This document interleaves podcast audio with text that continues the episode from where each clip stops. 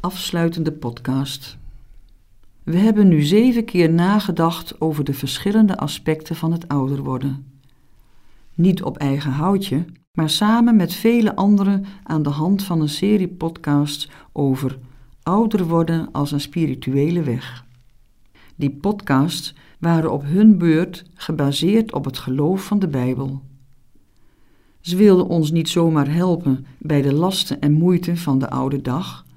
Ze probeerden de vreugde en de kwalen van het ouder worden te belichten vanuit het christelijk geloof en van daaruit ons tot persoonlijk bidden te brengen. Zo kwamen we met onze positieve en negatieve ervaringen voor God te staan.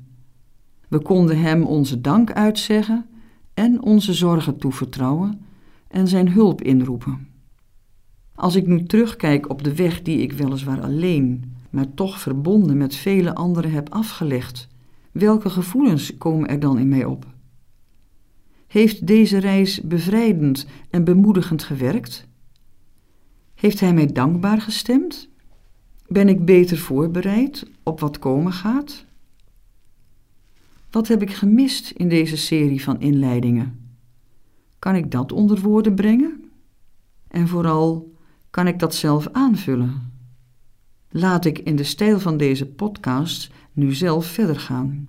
Ons christelijk geloof is veel en veel rijker dan deze zeven podcasts konden uitdrukken. Er is nog enorm veel kostbaars te putten uit de schat van ons geloof. Vanzelfsprekend kan het ook helpen om de oude podcasts af en toe weer eens te beluisteren. Het is waarschijnlijk dat ik regelmatig weer nieuwe inspiratie ontdek in dat wat ik vroeger al beluisterd heb. Het leven gaat immers verder. Het stelt nieuwe vragen en biedt nieuwe uitzichten. God is er altijd en Hij is steeds aanspreekbaar. Zijn liefde en Zijn trouw zijn onvoorwaardelijk en eeuwigdurend. Mogen deze podcasts ons de toegang tot God vergemakkelijkt hebben en zo ook in de toekomst vrucht blijven dragen. Misschien heeft u behoefte om nog eens iets te lezen in deze richting. Er is een overvloed aan lectuur op dit terrein. Ik wil drie boeken noemen die rijk van inhoud, eenvoudig van stijl en gemakkelijk toegankelijk zijn. En wel Herman Andriessen, De tijd te vriend houden. Uitgeverij Ten Haven, Kampen, 2009. Ria Gromme, Tussen voltooien en verwachten. Uitgeverij Halewijn, Antwerpen, 2014.